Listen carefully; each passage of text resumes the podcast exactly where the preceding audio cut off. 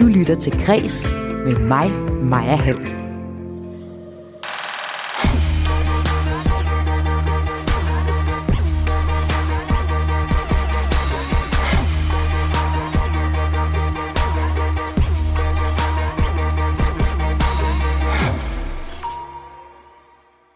Hvis du er en hvid forfatter, var du ikke velkommen på scenen under en litteraturfestival tidligere i år. Ifølge arrangørerne handler det ikke om at udelukke nogen, men om at give plads til marginaliserede stemmer. Men er det et udtryk for racisme? Den debat tager jeg i dag med Dansk Folkepartis kulturordfører og Gyldendals forlagschef. Og det er første historie her i dit daglige kulturprogram Kreds her på Radio 4. Skagensmalerne øh, Anna og Michael Ankers hus er ved at blive spist af borebiller og ødelagt af skimmelsvamp. Skagens Kunstmuseer har ellers modtaget en million kroner til at græde kulturarven, men de forslår overhovedet ikke, lyder kritikken fra museet, der vil have mere i kulturstøtte, for ifølge dem bliver den skævt fordelt rundt i landet. Og så i anledning af, at julefrokosterne er blevet aflyst, så får du her i kreds den historiske fortælling om julefrokosten. Fra et glas portvin til numser i kopirummet. Og sidst i udsendelsen, der skal vi høre fra Kreses kulturagent, der har besøgt Keramikmuseet Clay i Middelfart. Og det museum var i regent, øh, agenten ret imponeret over. Altså, man måtte stoppe og tænke, er det her seriølle lavet af lærer? Mit navn er Maja Hall, og det er Sagjølle Kreds, du lytter til lige nu.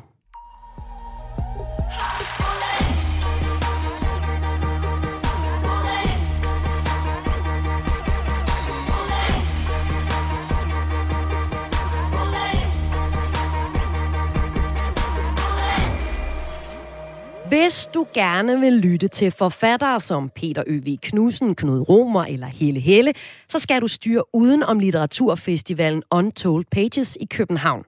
På festivalen, der har modtaget støtte fra både Københavns Kommune og Statens Kunstfond, er det nemlig kun forfattere, der er sorte, farvede eller tilhører oprindelige folkeslag, der er velkommen på scenen. Hvide forfattere henvises i stedet til tilskuerrækkerne, fortæller Berlingske. Og det er en historie, der deler vandene. Og nu skal jeg så byde velkommen til mine to første gæster i Kreds i dag. På den ene side af vandet står du, Morten Messersmith, kulturordfører i Dansk Folkeparti. Velkommen til Kreds. Jo, tak skal du have. Og også velkommen til dig, Simon Pasternak, forlagschef på Gyldendal. Tak skal du have. Morten Messersmith, du mener, at der er tale om en racistisk begivenhed, og har spurgt kulturminister Ane Halsbo Jørgensen om hendes holdning til, at festivalen har modtaget støtte. Hvorfor er en festival, der fokuserer på at være minoritetsetnisk forfatter, racistisk, Morten? Jo, altså, man må bare sådan helt semantisk sige, at hvis folk alene er velkomne som følge af en særlig øh, pigmentering, så er det jo sådan i sprogets egentlige forstand, altså øh, racisme. Øh, og det er det, øh, jeg, jeg hæfter mig ved, fordi øh, der jo er givet øh, både fra det kommunale og fra øh, Statens Kunstfond øh, et anseligt øh, beløb øh, for at kunne afvikle det her arrangement. Øhm, og øh, jeg synes, det er for det første meget underligt, at man ønsker at sætte fokus på øh, Øh, eventuelle minoriteters øh, historiske udelukkelse fra fællesskabet, ved så at sige, at nu skal man så udelukke nogle andre. Altså, der vil jeg nok selv have en lidt mere, øh, hvad kan man sige, ja, en anden øh, tilgang øh, til det. Men det er klart, at det rejser også et spørgsmål om, hvad det er, man øh, kan bruge øh, kunstfondens øh, midler til. Hvis for eksempel man ønsker at lave et arrangement, som alene er forbeholdt folk med øh, en kaukasisk øh, oprindelse, det vil jeg også synes var kedeligt. Altså festivalen den fokuserer på at være forfatter og tilhører en af de her tre minoriteter, sorte, farvede og oprindelige folkeslag.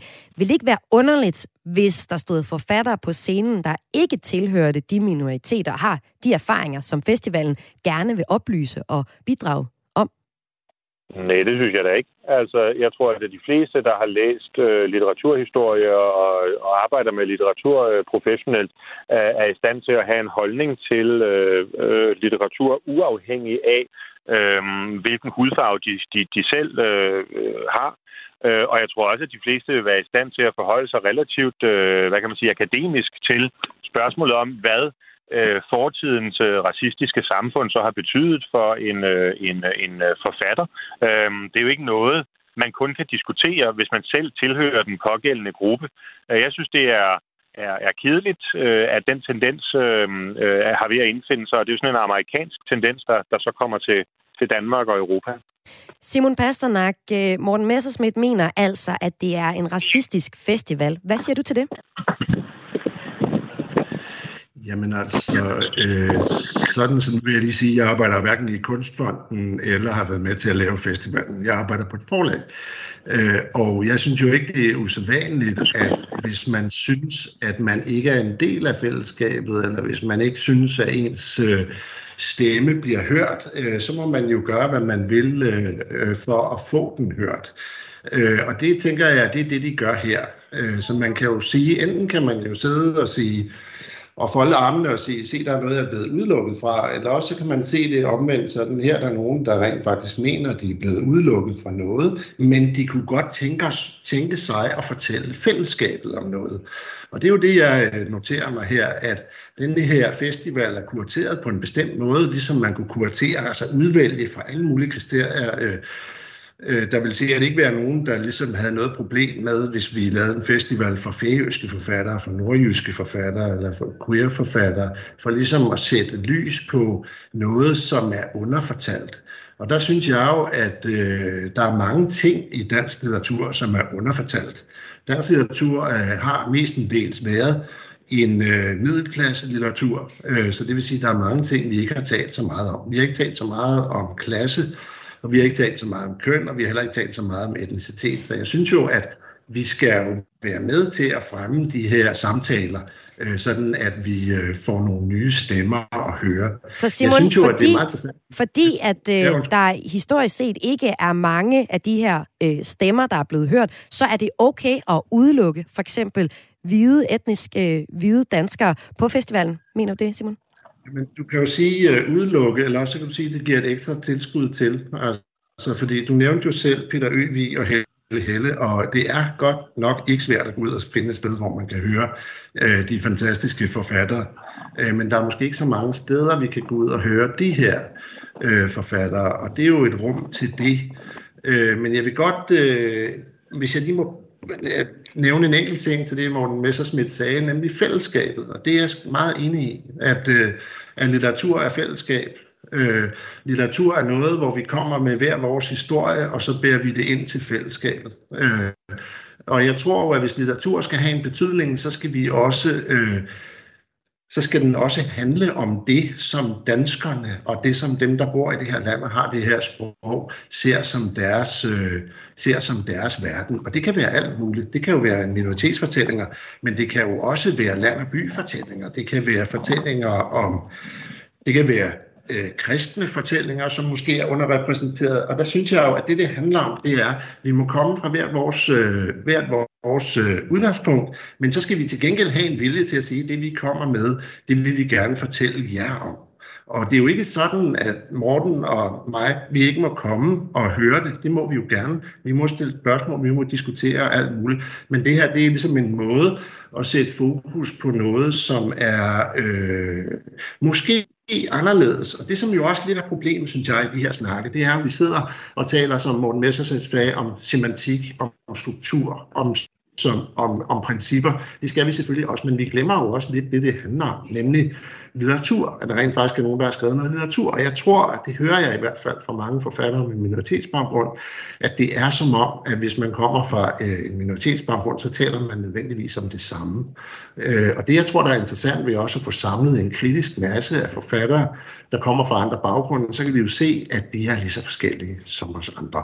Så man kan sige, at øh, det her er måske en kasse, øh, men det er jo, tænker jeg, en proces hen imod, at vi ikke skal til at tænke i kasser på den måde, at øh, hvis vi taler om litteratur, så er vi forfattere, vi er ikke kvindelige forfattere, vi er ikke kristne forfattere, vi er ikke øh, øh, minoritetsforfattere øh, eller queer-forfattere, vi er bare forfattere. Men det er jo Men så når, det, den her når, festival gør. Den deler i hvert fald forfatterne op i nogle forskellige kasser. Morten, lad mig lige ja, høre dig. Simon siger her, at litteratur handler om fællesskab.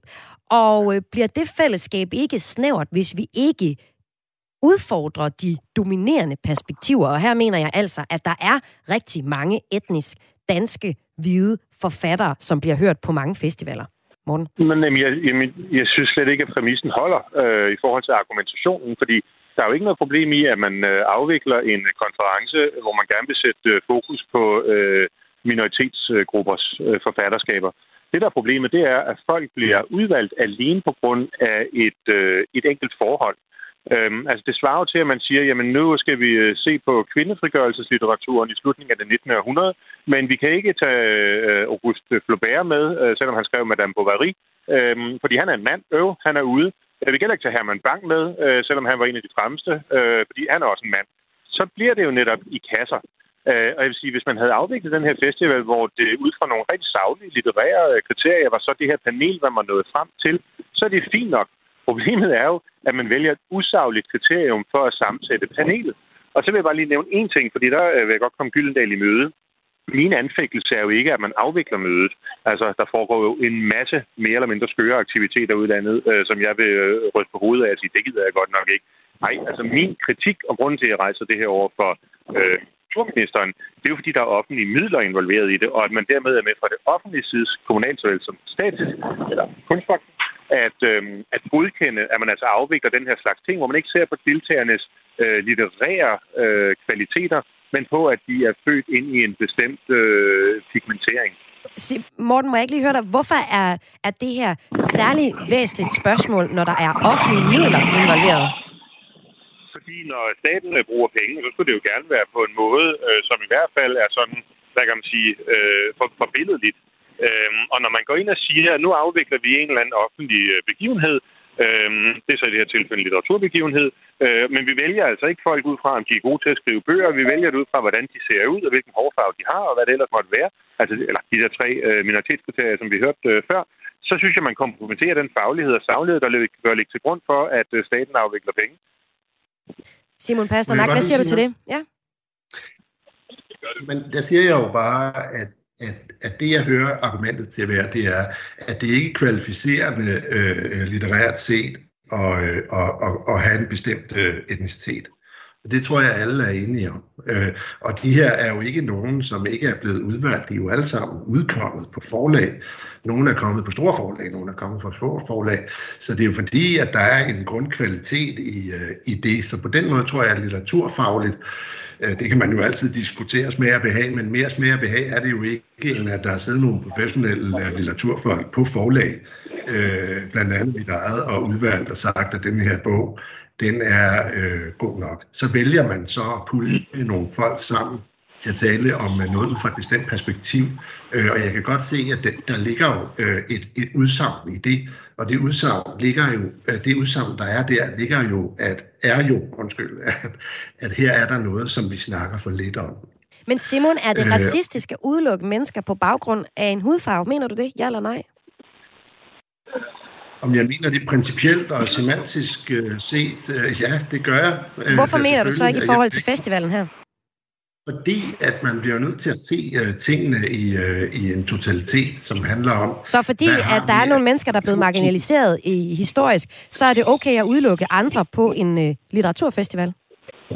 Jamen, jeg synes, det er helt okay at lave det snit, du har lyst til øh, i forhold til en litteraturfestival, hvis det i øvrigt er sådan, at alle har adgang. Vi taler ind til fællesskabet, så, og at det selvfølgelig er fagligt, så synes jeg, det er helt fint. Så Simon Pasternak, vil det også være okay at lave en festival, hvor man udelukkende og i overskriften på festivalen inviterede hvide etniske danskere? Jamen altså, det gør man jo øh, hele tiden, altså, så det er jo ikke noget problem. Nej, det gør I jo ikke.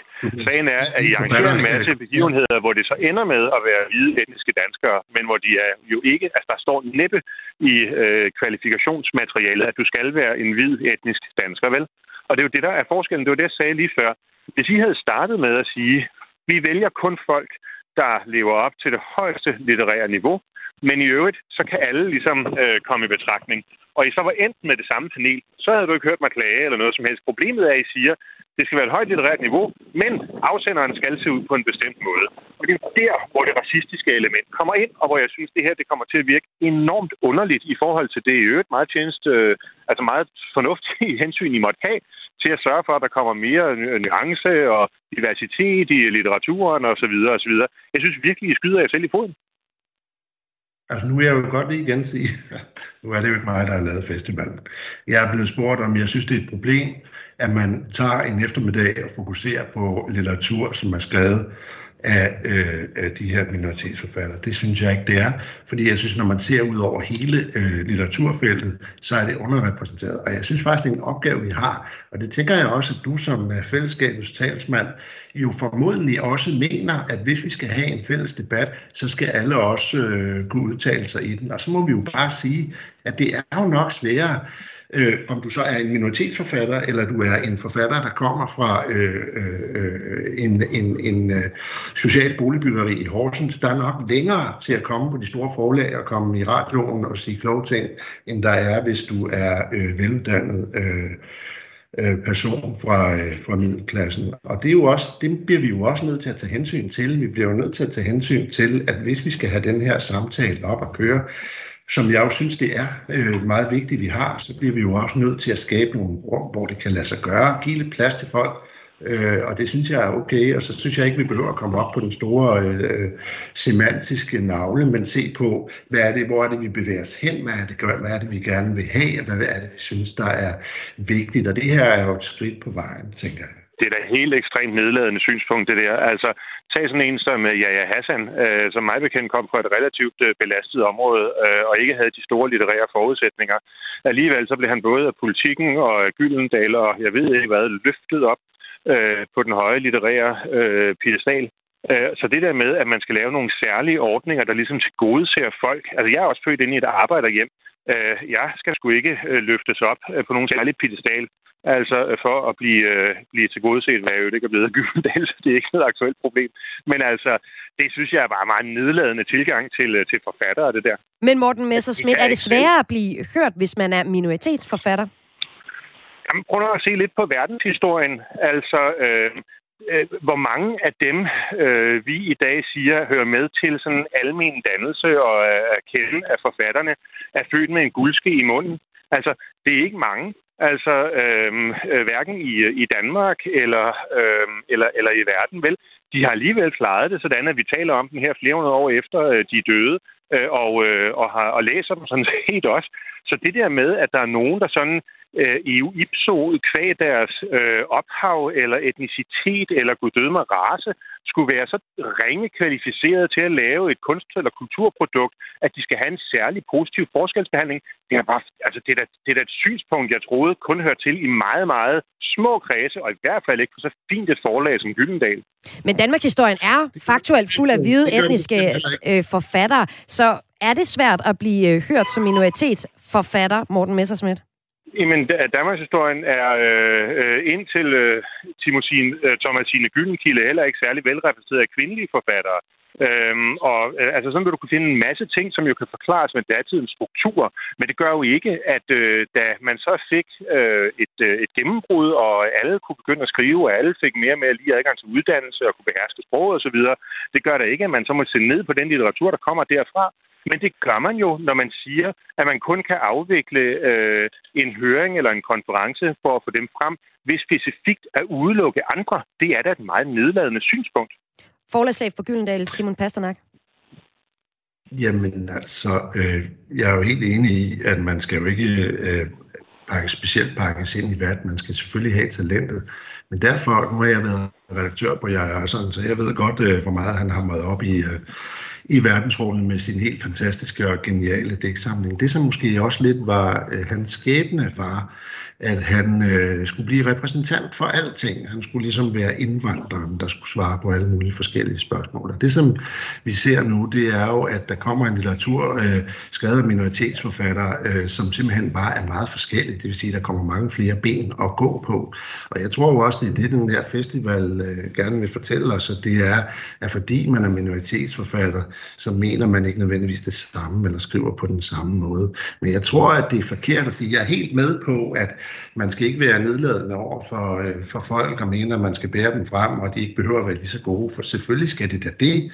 Men man bliver også nødt til at se på, at der kan jo godt måske være lidt længere, øh, eller der kan være lidt mindre skærmtid, eller lidt mindre opmærksomhed, hvis man kommer fra udkanterne af, af, af offentligheden. Og det synes jeg da er godt, man kan, man kan støtte. Og det blev får, ja. sidste ord i debatten. Tusind tak, fordi I var med, Morten Messersmith, kulturordfører for Dansk Folkeparti, og også Simon Pasternak, forlægschef på Gyldendal. Tak fordi jeg med. Debatten om repræsentation af blandt andet minoriteter er i stigende grad blevet relevant de seneste år. Vi har talt med Lene Bull Christensen, lektor på øh, Roskilde Universitet, undskyld, Christiansen, lektor på Roskilde Universitet, som blandt andet forsker i køn, etnicitet og ligestilling, og i litteratur, kunst og musik og æstetik. Og hun mener, at litteraturscenen i dag er præget af mennesker, der tager det at være hvid, og alle de privilegier, der følger med at være hvid, som en selvfølge.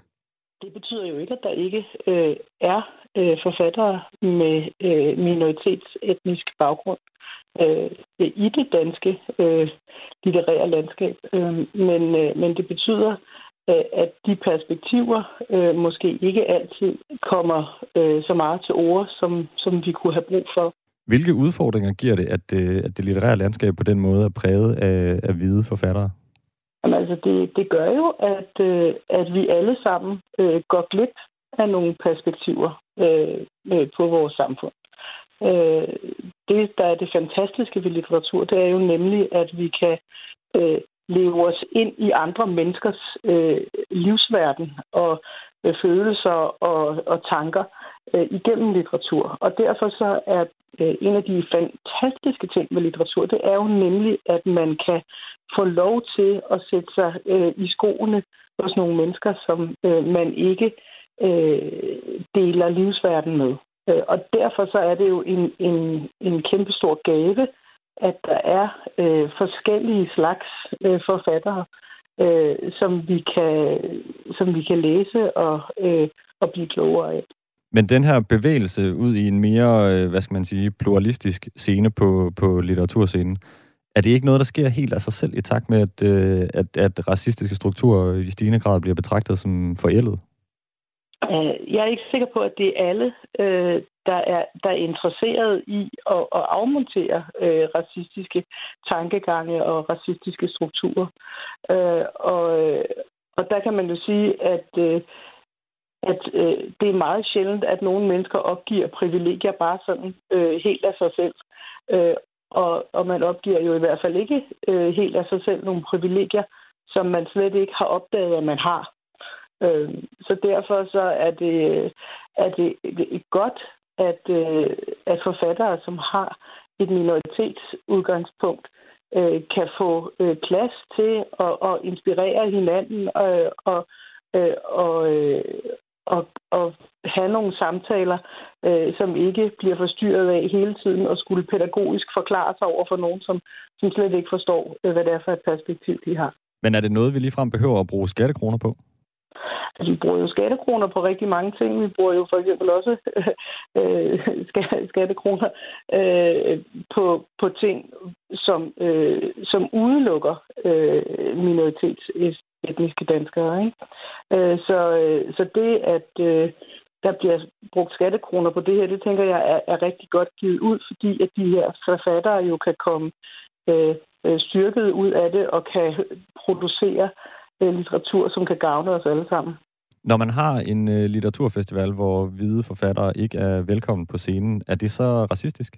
Altså, det er jo ikke et spørgsmål om, at dem, at de ikke er velkomne til at komme og lytte på, øh, hvad der bliver talt om. Øh, men øh, ligesom så mange andre øh, festivaler og, og, og politiske engagementer, eller hvad det nu end er, så er der en dagsorden. Og, øh, og dagsordenen til den her festival, det er at lytte på, hvad er det, at de her øh, minoritetsetniske forfattere, de har at sige til os.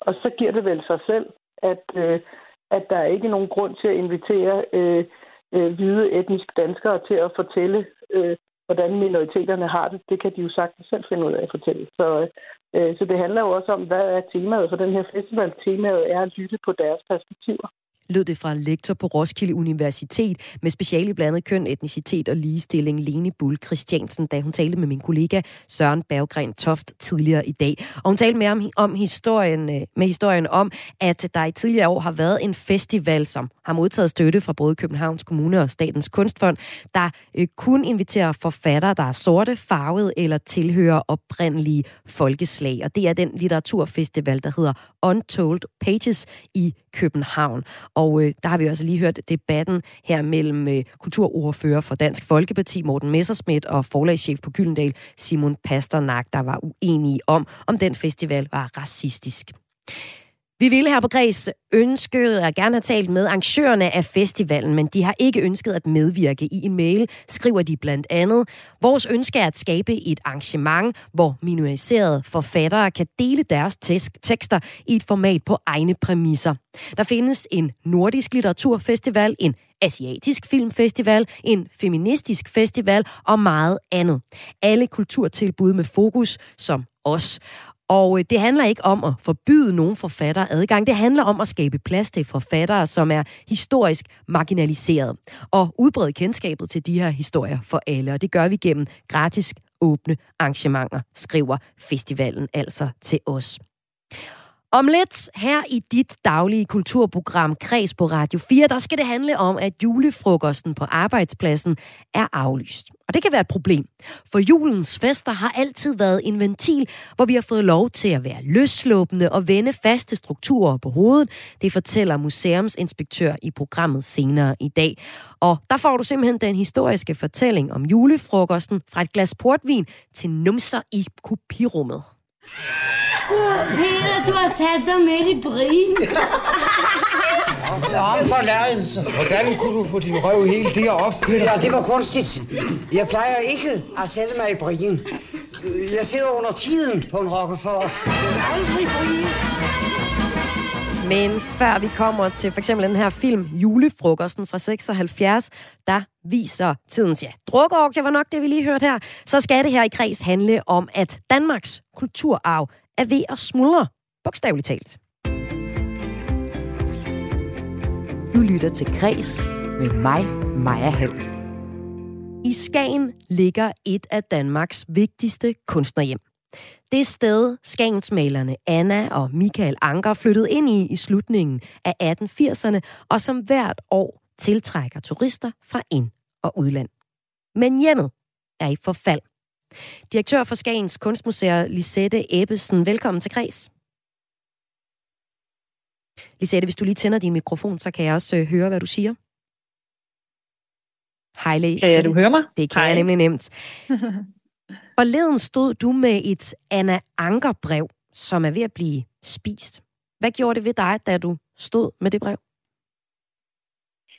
Ja, men altså, det er jo ikke, øh, selvfølgelig ikke rart, øh, når, når man er øh, på et kunstmuseum, og det vi arbejder med her, det er jo altså unikke værker, det vil sige, der findes kun, kun ét eksemplar af hvert, øh, ligegyldigt om det er et brev, eller en kjole, eller et maleri, øh, og når tingene så øh, er ved at gå til, øh, så strider det jo for det første imod øh, det, som vi er sat i verden for, nemlig at bevare og passe på tingene, men, men og selvfølgelig gør det ondt, øh, når, når, det, når der er et brev, der er ved at blive spist, eller et, øh, et øh, maleri, som er ved at gå til.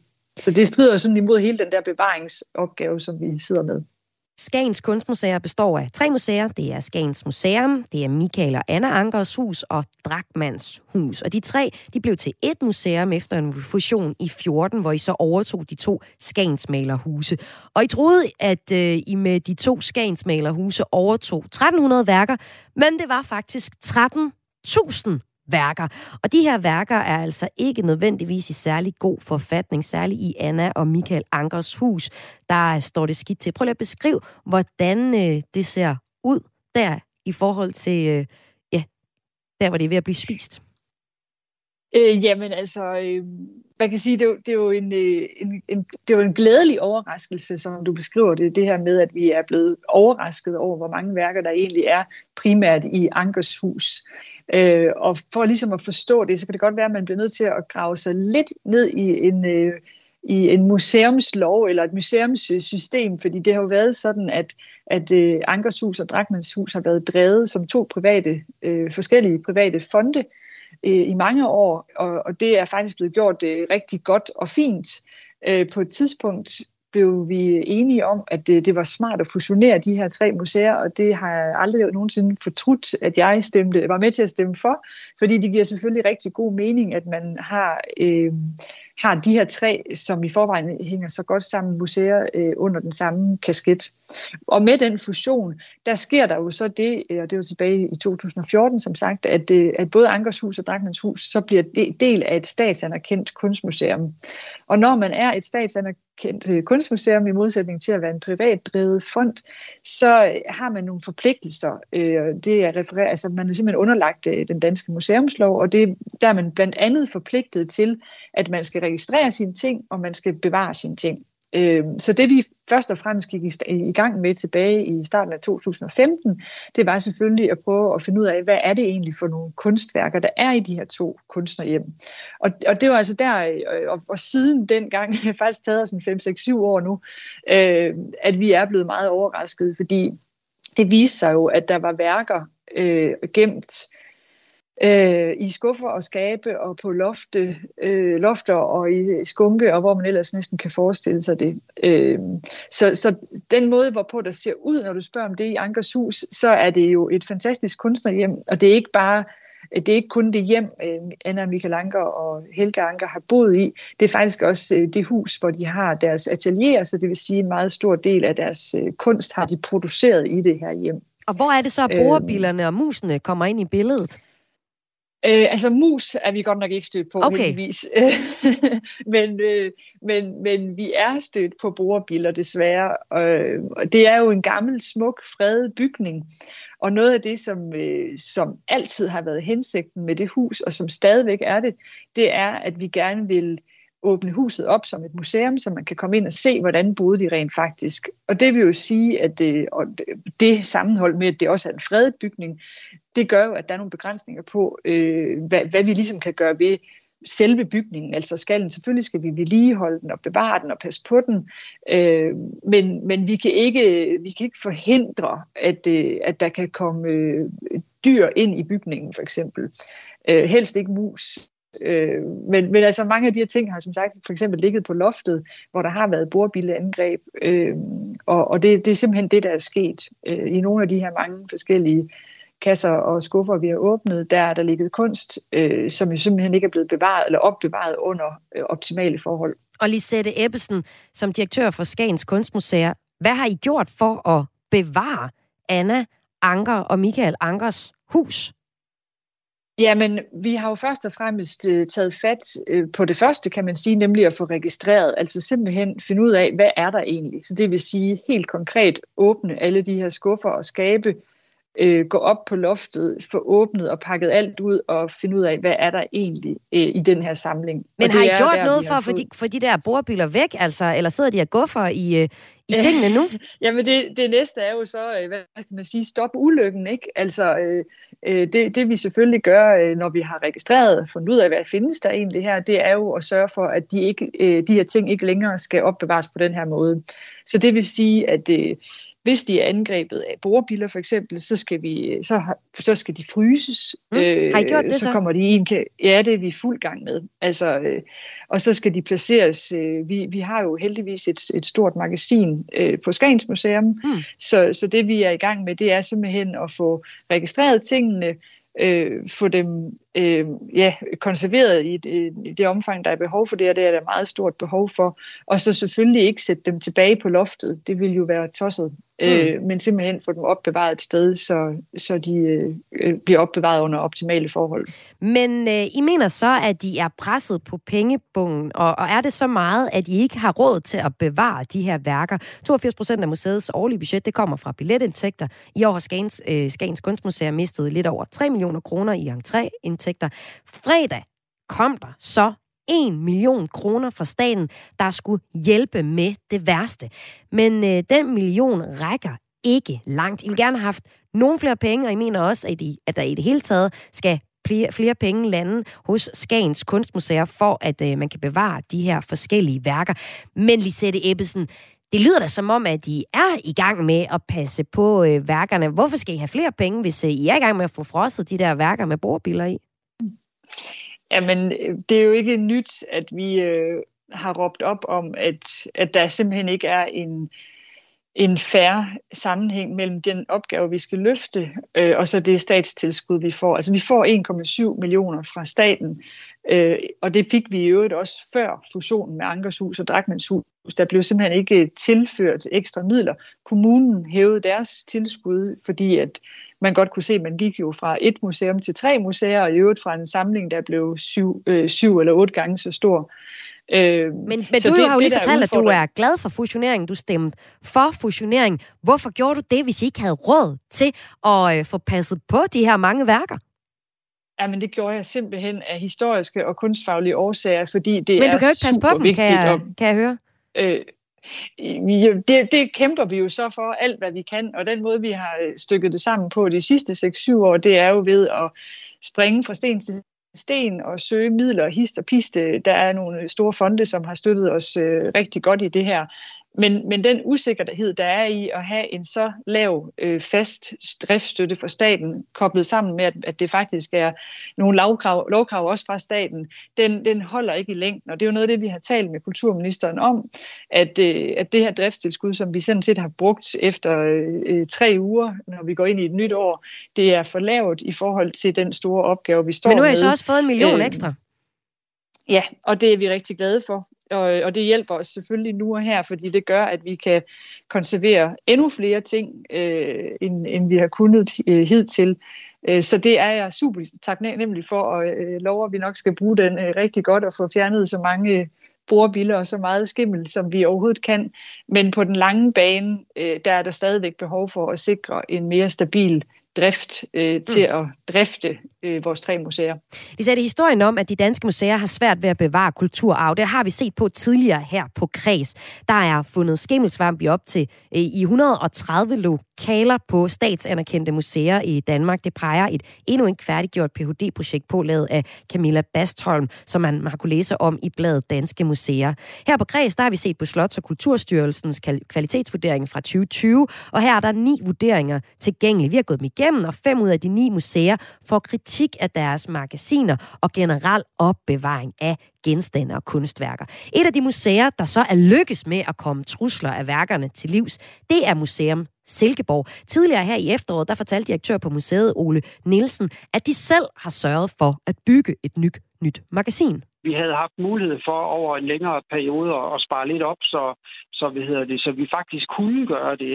Og problemet med skimmelsvamp i magasinerne på danske museer blev også debatteret tilbage i 2018, hvor daværende kulturminister Mette Bock understregede, at det var museernes eget ansvar at få styr på magasinforholdene. Så det kan jo ikke komme bag på dig, direktør for Skagens Kunstmuseer, Lisette Ebbesen, at I selv har et ansvar for at bevare jeres værker. Andre museer kan finde ud af at spare op og sikre deres værker. Hvorfor kan I ikke, Lisette Ebbesen?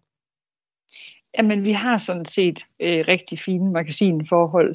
Øh, og som jeg også lige forklarede, så er vi jo i gang med at få placeret øh, tingene her fra vores kunstnerhjem på øh, magasiner.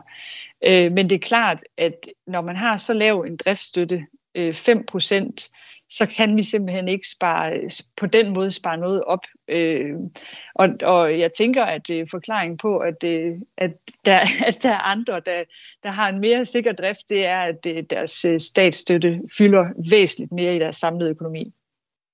Sådan lød det her fra Lisette Ebbesen fra Statens Kunstmuseer. Tusind tak, fordi du var med her i Græs.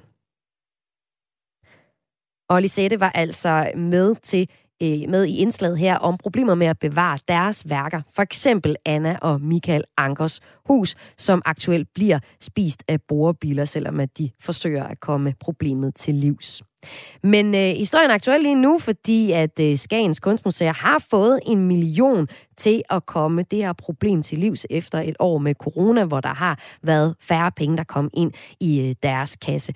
Udover Skagens, statens, kun, Skagens, undskyld, Skagens Kunstmuseer, der har fået den her 1 million, som de altså mener er for lidt, så har også teateret Mungo Park fået penge, og der er også blevet afsat penge til videoproduktion af folkedans. Pengene her, de kommer fra udlodningsmidlerne, som er danske spils overskud. Om lidt her i Kreds, de daglige kulturprogram her på Radio 4, der skal du høre fra Kredses kulturagent, der har besøgt Keramikmuseet Clay i Middelfart. Og det var en virkelig god oplevelse. Den følelse, vi stod tilbage med. What? Er det lavet Men først i anledning af, at rigtig mange af jer, der lytter med, så julefrokoster er blevet aflyst, så får du her kulturhistorien om julefrokosten. Du lytter til Græs med mig, Maja Hall. Din julefrokost på arbejdet er højst sandsynligt blevet aflyst på grund af corona. Og derfor kommer du måske heller ikke til at sætte tænderne i alle de her lækkerier. Sømands julefrokost, er øl og snaps skal rys alle mere øl og snaps, sylte og flæsk, kold. Og sprød flæskesteg, masser af øl, siller og ål og dild. Og så får man en dejlig dag. Ja, det er det sømændene med sangen Julefrokosten, og hej, hvorfor har jeg lyst til det der sild med kajsalt. Så lige en lille snaps til. I dag er julefrokosten de fleste steder nok blevet reguleret med en lille smule efter MeToo-bevægelsen. Men julefrokosten har altid været lidt af en frækker. Det fortæller Anna Vestergaard, der er juleinspektør i den gamle by i Aarhus. Og øh, når vi altså ikke kan afholde den her julefrokost i år, og få den sild med kejserlaget og snapsen og øllen til, så mister vi den ventil i hverdagen, som mennesker gennem mange hundrede år altid har benyttet sig af. Her i Kreds, der får du lige nu en øh, kulturhistorisk fortælling om julefrokosten. Hello, my dear.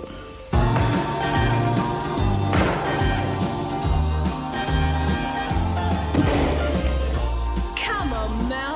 How about pulling a cracker? From the look of you, darling, I think I already have. Get it? December er højtid for arbejdspladsernes store julefrokoster, men sådan skulle det ikke blive i år. Der opfordres til at aflyse julefrokoster og større sociale arrangementer på arbejdspladserne.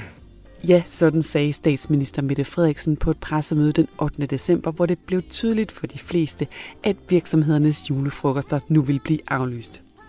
Og mens vi så sidder derhjemme og tænker på, hvad det er, vi egentlig må undvære, så får du her i Kreds historien om den danske julefrokost på arbejdspladsen og hvorfor vi holder den. Det er på den ene side historien om, hvordan et enkelt glas portvin udviklede sig til bare numser i kopimaskinen, men det er også en fortælling om, hvordan julens fester altid har været en ventil, der gav plads til løsluppen humor, hvor man kunne vende hverdagens hierarkier lidt på hovedet. Og for at forstå den historie, så skal vi altså tilbage til bundesamfundet i selskab med juleinspektør Anna Vestergaard fra den gamle by i Aarhus.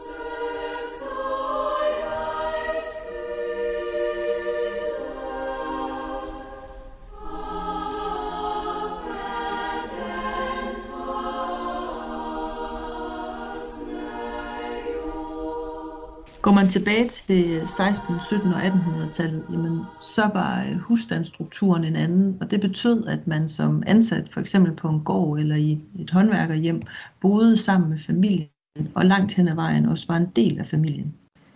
På det her tidspunkt, der havde man fejringer til jul, som man kaldte julestuer.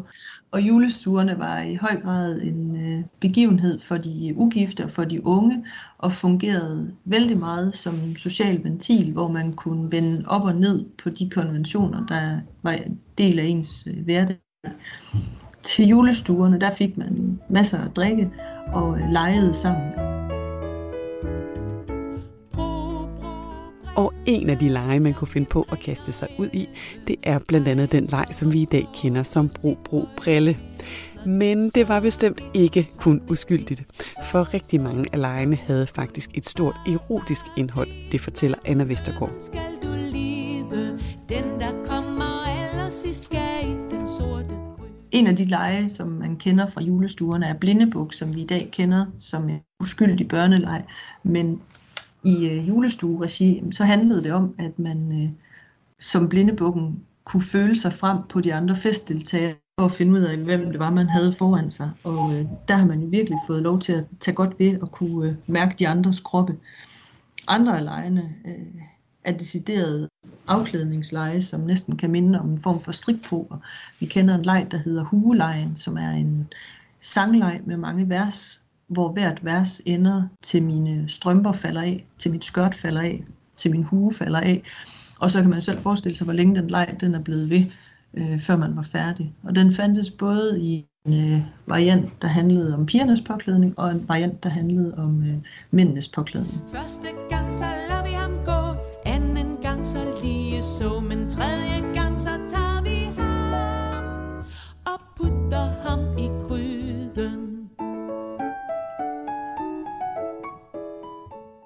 Et andet element ved julestuerne, det var, at man øh, inviterede en julebuk indenfor.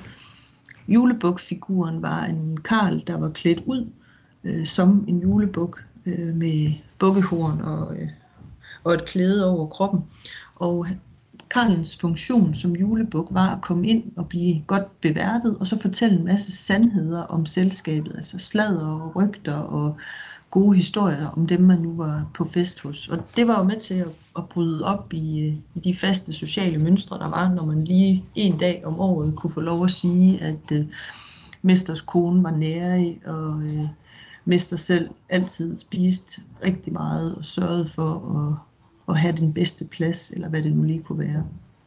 Et andet element var, at man videde sig en julebisp, øh, som så øh, var blev klædt ud som en form for præst og holdt en øh, vrøvle gudstjeneste med et stykke tørv i stedet for en bibel. Og øh, julepræsten eller julebispen kunne også øh, vige nogle af de par, der var med til festen. Så der har man så været inde og, øh, og lave sjov med en samfundsinstitution som kirken også. Øh, så der er igen det her element af social ventil.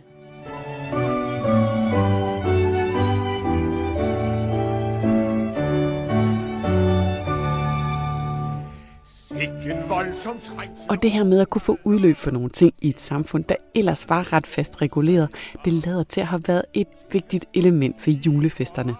Og det er det også, når man kommer op i 1800-tallet, hvor vi også finder den her sang, Sig en voldsom trængsel og alarm fra 1848.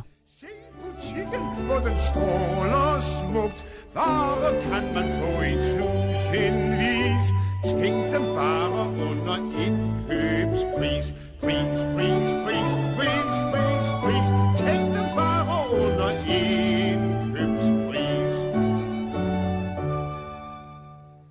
For i 1800-tallet, der ser man satirblade, som blandt andet Blæksprutten og Svigmøllen kommer i handlen, og det er altså nogle blade, der i ord og billeder gør grin med blandt andet politikere, magthavere og kendte.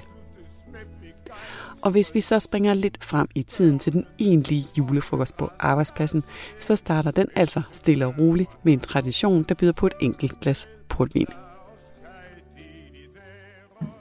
Det tidligste, vi ved omkring julefrokoster, det er, at hvis man kommer øh, før 1940, så starter traditionen med at sige god jul til hinanden på arbejdspladserne, med at man tager et lille glas sammen, når man går hjem fra arbejde til middag juleaftensdag. Og det, der så sker øh, samtidig med, eller sideløbende med, det er, at man gør lidt mere ud af frokosten den sidste dag, man er på arbejde sammen. Det vil jo så typisk være lille juleaftensdag. Når man kommer op under øh, besættelsen, jamen så skriver Jørgen Piø, at øh, der udviklede det sig yderligere på private og offentlige arbejdspladser, og man begynder at have sådan mere decideret julefrokost med fælles spisning. Og øh, i takt med velstandsstigningerne i Danmark, jamen når man så kommer efter 2. verdenskrigs slutning, jamen så udvikler det sig til en fest, hvor man også har dans. Og øh, når man kommer op i 50'erne, jamen, så er det en, en mere fast tradition, som, øh, som jo så også bliver noget, man kan udvikle yderligere, øh, når der er kommet, kommet flere penge mellem hænderne. I løbet af 1960'erne så kommer kvinderne i større og større tal ud på øh, arbejdsmarkedet, og øh, samtidig så sker der en generel seksuel frigørelse i takt med, at man får bedre øh, adgang til prævention, og den frie abort øh, kommer. Og øh, det lader til, at den velstandsperiode, som vi også er i i Danmark, medfører, at øh, julefrokosterne bliver, øh, bliver vildere og vildere. Og øh, en af de ting, man kan se det på, det er filmen Julefrokosten, som kommer i 1976, og er en, en farse om de her drukorgier, som øh, julefrokosten nogle steder udartede sig til. Peter, du har sat dig midt i brin. Om forladelse. Hvordan kunne du få din røv helt derop, Peter? Ja, det var kunstigt. Jeg plejer ikke at sætte mig i brien. Jeg sidder under tiden på en. Jeg vil aldrig blive.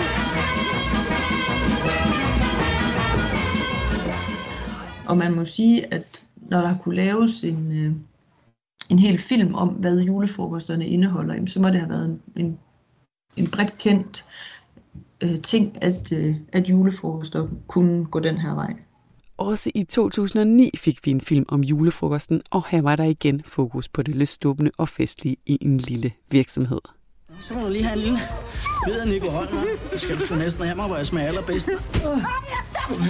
Her var det skuespiller Mik Øendal, der i filmen Julefrokosten bød en kvindelig kollega på en body tequila med ristet løg.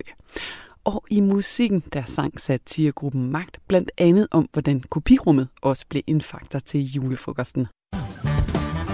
Det skal håndteres professionelt. Så på mandag er det hele glemt. Kom så, Britta, går du med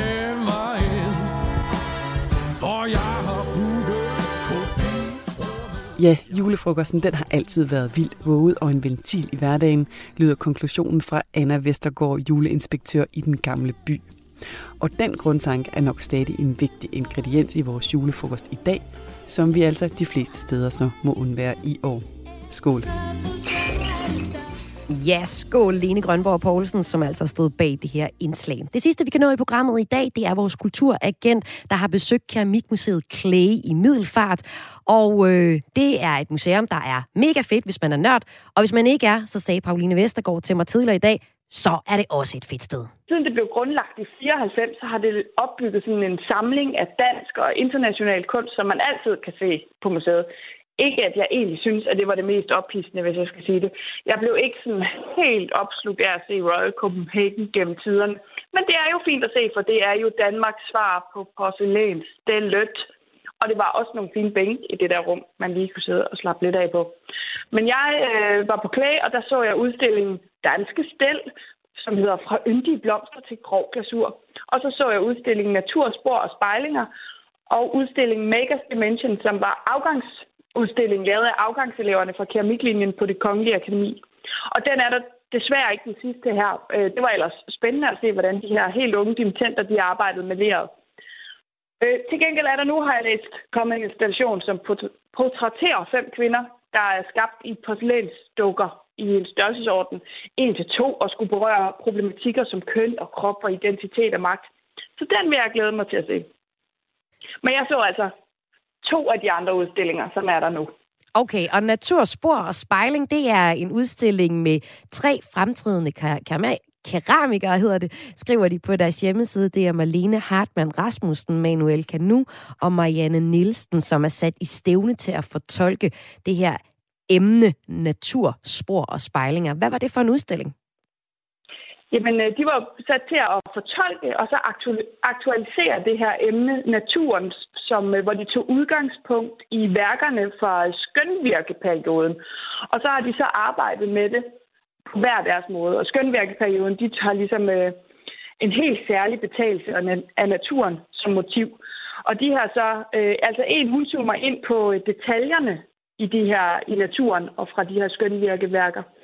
Og så forstørrer hun dem op, så det blev sådan helt... Øh, ja, jeg har lyst, altså eventyrligt og fantasifuldt, som om man trådte ind i sådan en Alice i eventyrverden, hvor alt var mærkeligt og, og forstørret og øh, utroligt dragende. Og en anden arbejder så mellem øh, grænserne mellem naturen og kulturen, og ligesom tager naturen med ind i hjemmet eller i, i kulturen for eksempel. Og så bliver blomsterne jo ikke til noget naturligt, men så bliver det til en anrettet buket, eller det bliver til et spejl, eller, eller sådan noget i den stil. Og øh, så er der en, den sidste, han har så taget udgangspunkt i sådan noget gammelt øh, tegnemateriale og arbejdet med at, at gentage planternes øh, rytmiske duven, måtte jeg læse mig til, ikke? Men, men det var flot at se de der øh, øh, måder, de har arbejdet med leret på, øh, på den her på de her tre forskellige måder. Og vi måtte hele tiden stoppe og sige, wow, tænk, at det her det er lavet af lær. Du siger, Pauline, at øh, du er rigtig, en rigtig lærnørd. Hvorfor er du det? Øh, Jeg, jeg er kommet med på den der lærdille bølgen, der kom her øh, hvad, under corona, før corona, hvor det bare er mega fedt at lave keramik. Øh, og jeg synes jo bare, det er et sindssygt spændende materiale. Altså det der med, at det går fra at være formeligt til bestandigt og alle processerne, og så pludselig så står der et, et færdigt produkt, som, som man ikke altså, har kunne gøre noget ved, når det er blevet sat i ovnen. Eller, at det har ligesom sit helt eget liv, og det er kæmpe dragende, synes jeg. Så det var også et ekstra lag til at komme ind og opleve Clay Museum i Middelfart, ja. at du også selv kender ler-materialet. Ja, men altså min mand, som ikke øh, har så meget, er ikke lærer, lige så lærerentusiastisk som jeg, han havde samme følelse, da vi, da vi var færdige, så stod vi tilbage med det der, at det er fuldstændig vanvittigt, hvad lærer kan. Lød det for Pauline Vestergaard, der er kulturagent her hos Kreds og altså har besøgt Kemikmuseet Clay.